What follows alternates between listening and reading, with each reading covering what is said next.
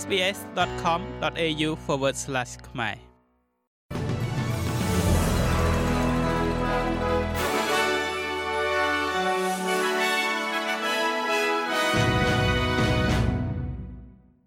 សូមស្វាគមន៍មកកាន់នេតិព័ត៌មានខ្លីៗរបស់ SBS ខ្មែរសម្រាប់ថ្ងៃអង្គារទី3ខែតុលា ឆ្នាំ2023 ធនាគារកណ្ដាលរបស់ប្រទេសអូស្ត្រាលីបានរក្សាទុកអត្រាសាច់ប្រាក់ឲ្យនៅដដែលពលគឺនៅត្រឹម4.1%សម្រាប់ខែទី4ជាប់ជាប់គ្នាកិច្ចប្រជុំក្រុមប្រឹក្សាភិបាលនៅថ្ងៃនេះគឺជាលើកដំបូងក្រោមការដឹកនាំរបស់ទេសាភិបាលថ្មី គឺលោកស្រី Michelle Bullock ដែលបានចូលកាន់តំណែងបន្តពីលោក Philip Lowe ការសម្រេចចិត្តរក្សាអត្រាការប្រាក់ឲ្យនៅដដែលនេះគឺស្របទៅតាមការរំពឹងទុករបស់ទីផ្សារ ទោះបីជាអតិផរណាកើនឡើងដល់5.2%នៅក្នុងខែសីហាក៏ដោយ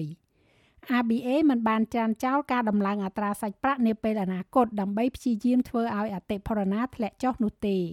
ហើយធនាគារនេះក៏ចង់ឲ្យភាពគ្មានការងារធ្វើកើនឡើងដល់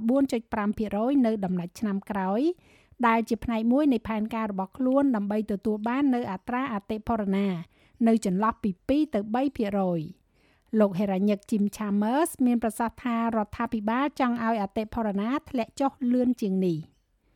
មួយទៀតនោះតកតងជាមួយនឹងយុទ្ធនាការបោះឆ្នោតសម្លេងជនជាតិដើមភាគតិចទៅកាន់សភាលោកនាយករដ្ឋមន្ត្រី Anthony Albanese និយាយថាការបោះឆ្នោត No នៅក្នុងការបោះឆ្នោតប្រជាមតិនេះនឹងមានន័យថាអូស្ត្រាលីមិនអាចឈ្មោះទៅមុខបានទេ លោក Albanese ស្ថិតនៅក្នុងរដ្ឋ Tasmania ជាកន្លែងដែលលោកកំពុងបន្តធ្វើយុទ្ធនាការគ្រប់គ្រងការបោះឆ្នោត Yes លោកនិយាយថាប្រជាមតិគឺអាចឈ្នះបានយ៉ាងពិតប្រាកដហើយលទ្ធផល No នឹងគ្រាន់តែជាការបន្តនៃស្ថានភាពដដែលដដែល។ទន្ទឹមនឹងនេះដែរសមាជិកប្រសិទ្ធិលោកស្រី Jacinta Nampi Jinpa មានប្រសាសន៍ថាការអនុម័តដែលអាចធ្វើទៅបាននៃសម្លេងទៅកាន់សភានេះនឹងនាំទៅដល់ការបែកបាក់គ្នានៅក្នុងប្រទេស សមាជិកព្រឹទ្ធសភារូបនេះបាននិយាយបែបនេះនៅក្នុងទីក្រុង Perth ជាមួយនឹងមេដឹកនាំគណៈបកប្រឆាំងលោក Peter Dutton សមាជិកព្រឹទ្ធសភា Price និយាយថា The Voice នឹងបង្កើតការរើសអើងជាតិសាសន៍នៅក្នុងប្រទេសអូស្ត្រាលីដែលនឹងមានការបែកបាក់ការបោះឆ្នោតមុនពេលកំណត់បានបើកហើយនៅក្នុងរដ្ឋនិងដែនដីទាំងអស់ក្នុងប្រទេសអូស្ត្រាលីហើយការធ្វើប្រជាមតិនឹងធ្វើឡើងនៅថ្ងៃទី14ខែតុលា លទ្ធផលនឹងកំណត់ថាតើស្ថាប័នប្រឹក្សាជនជាតិដើមនឹងត្រូវដាក់បញ្ចូលនៅក្នុងរដ្ឋធម្មនុញ្ញដែរឬទេហើយលោកអ្នកអាចស្វែងរកព័ត៌មានដ៏ទូលំទូលាយអំពីការធ្វើប្រជាមតិដោយចូលទៅកាន់ www.sbs.com.au/voicereferendum ក្រុមជនស្វែងសុំសិទ្ធិចូលកោនរាប់សិបនាក់ដែលស្ថិតនៅលើទឹកតការបណ្ដោះអាសន្នអស់រយៈពេលជាច្រើនឆ្នាំមកហើយកំពុងតែតវ៉ានៅការយ៉ាឡៃបោះឆ្នោតរបស់លោកនាយករដ្ឋមន្ត្រី Anthony Albanese ក្នុងទីក្រុង Sydney អំពាវនាវឲ្យមានការផ្ដល់ជូននូវសិទ្ធិរស់នៅជាអចិន្ត្រៃយ៍បាតកម្មរយៈពេល4ថ្ងៃបានចាប់ផ្ដើមនៅថ្ងៃនេះហើយអ្នករៀបចំនិយាយថា មានជនស្វែងសុំសិទ្ធិចូលកោនចន្លោះពី10000ទៅ12000នាក់ ត្រូវបានគេទុកចោលឲ្យនៅក្នុងភាពមិនប្រកបប្រជាស្របច្បាប់ក្នុងប្រទេសអូស្ត្រាលីពួកគេមិនត្រូវបានរាប់បញ្ចូលនៅក្នុងការសម្រេចចិត្តរបស់រដ្ឋាភិបាល Albanese នៅក្នុងការផ្ដល់ឋានៈអចិន្ត្រៃយ៍ដល់ជនស្វែងសុំសិទ្ធិចូលកោនចំនួន19000នាក់លើទឹកតការការពារបណ្ដោះអាសន្នក្នុងខែកុម្ភៈនោះទេ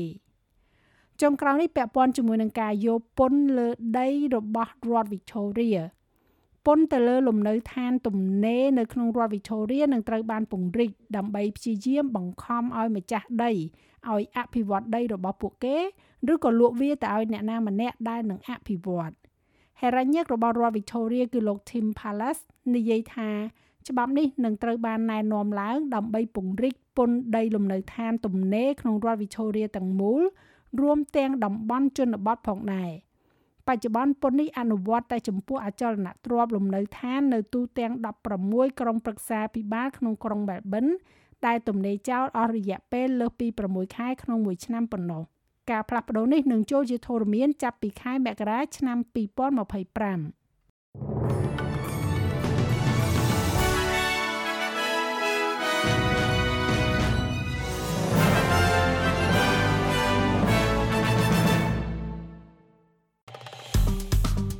ចុច like, share, comment, និង follow SBS ខ្មែរនៅលើ Facebook.